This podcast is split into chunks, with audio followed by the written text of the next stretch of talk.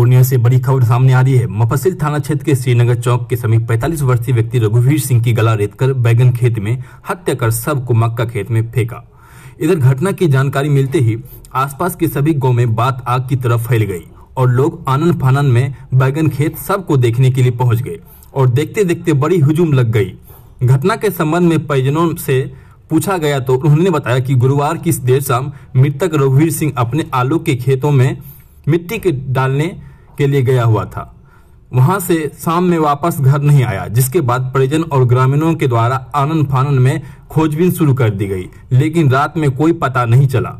शुक्रवार की अगले सुबह ग्रामीण जब अपने खेत में फ़सल काटने के लिए पहुँचे तो देखे कि खेत के बीचों बीच एक सब रखा हुआ है। जब चेहरा से शनाख्यात किया गया तो वह सब वह सब रघुवीर सिंह 45 वर्ष पिता स्वर्गीय हरि सिंह के रूप में पहचान हुई। पहचान हुई।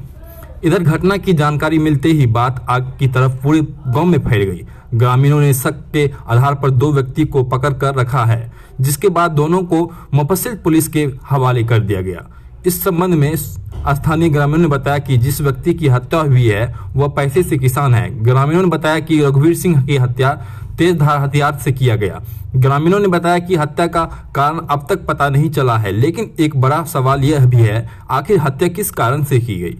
इसके पीछे किसका हाथ है? या फिर किस, जिस व्यक्ति के साथ गुरुवार को शाम तक था, उसके साथ कहा सुनी हुई? हालाँकि यह एक जाँच का विषय है। जाँच के बाद ही पता चलेगा कि हत्या का पूरा मामला क्या है। वही घटना की जानकारी मरीजनों के द्वारा मुफस्सिल प्रशासन को दिया गया। घटना की जानकारी मिलते ही मुफस्सिल थाना के प्रभारी थाना अध्यक्ष Manoj Kumar Mishra, S S I Mohammad Islam, SI Rajkumar Rajak ASI Shiv Bachan Pal सहित दल बल घटनास्थल पर पहुंचकर मामले की तफ्तीश में जुट गई। बोलता भारत के लिए, पूर्णिया पूर्व से संवाददाता कुंदन कुमार की खास रिपोर्ट।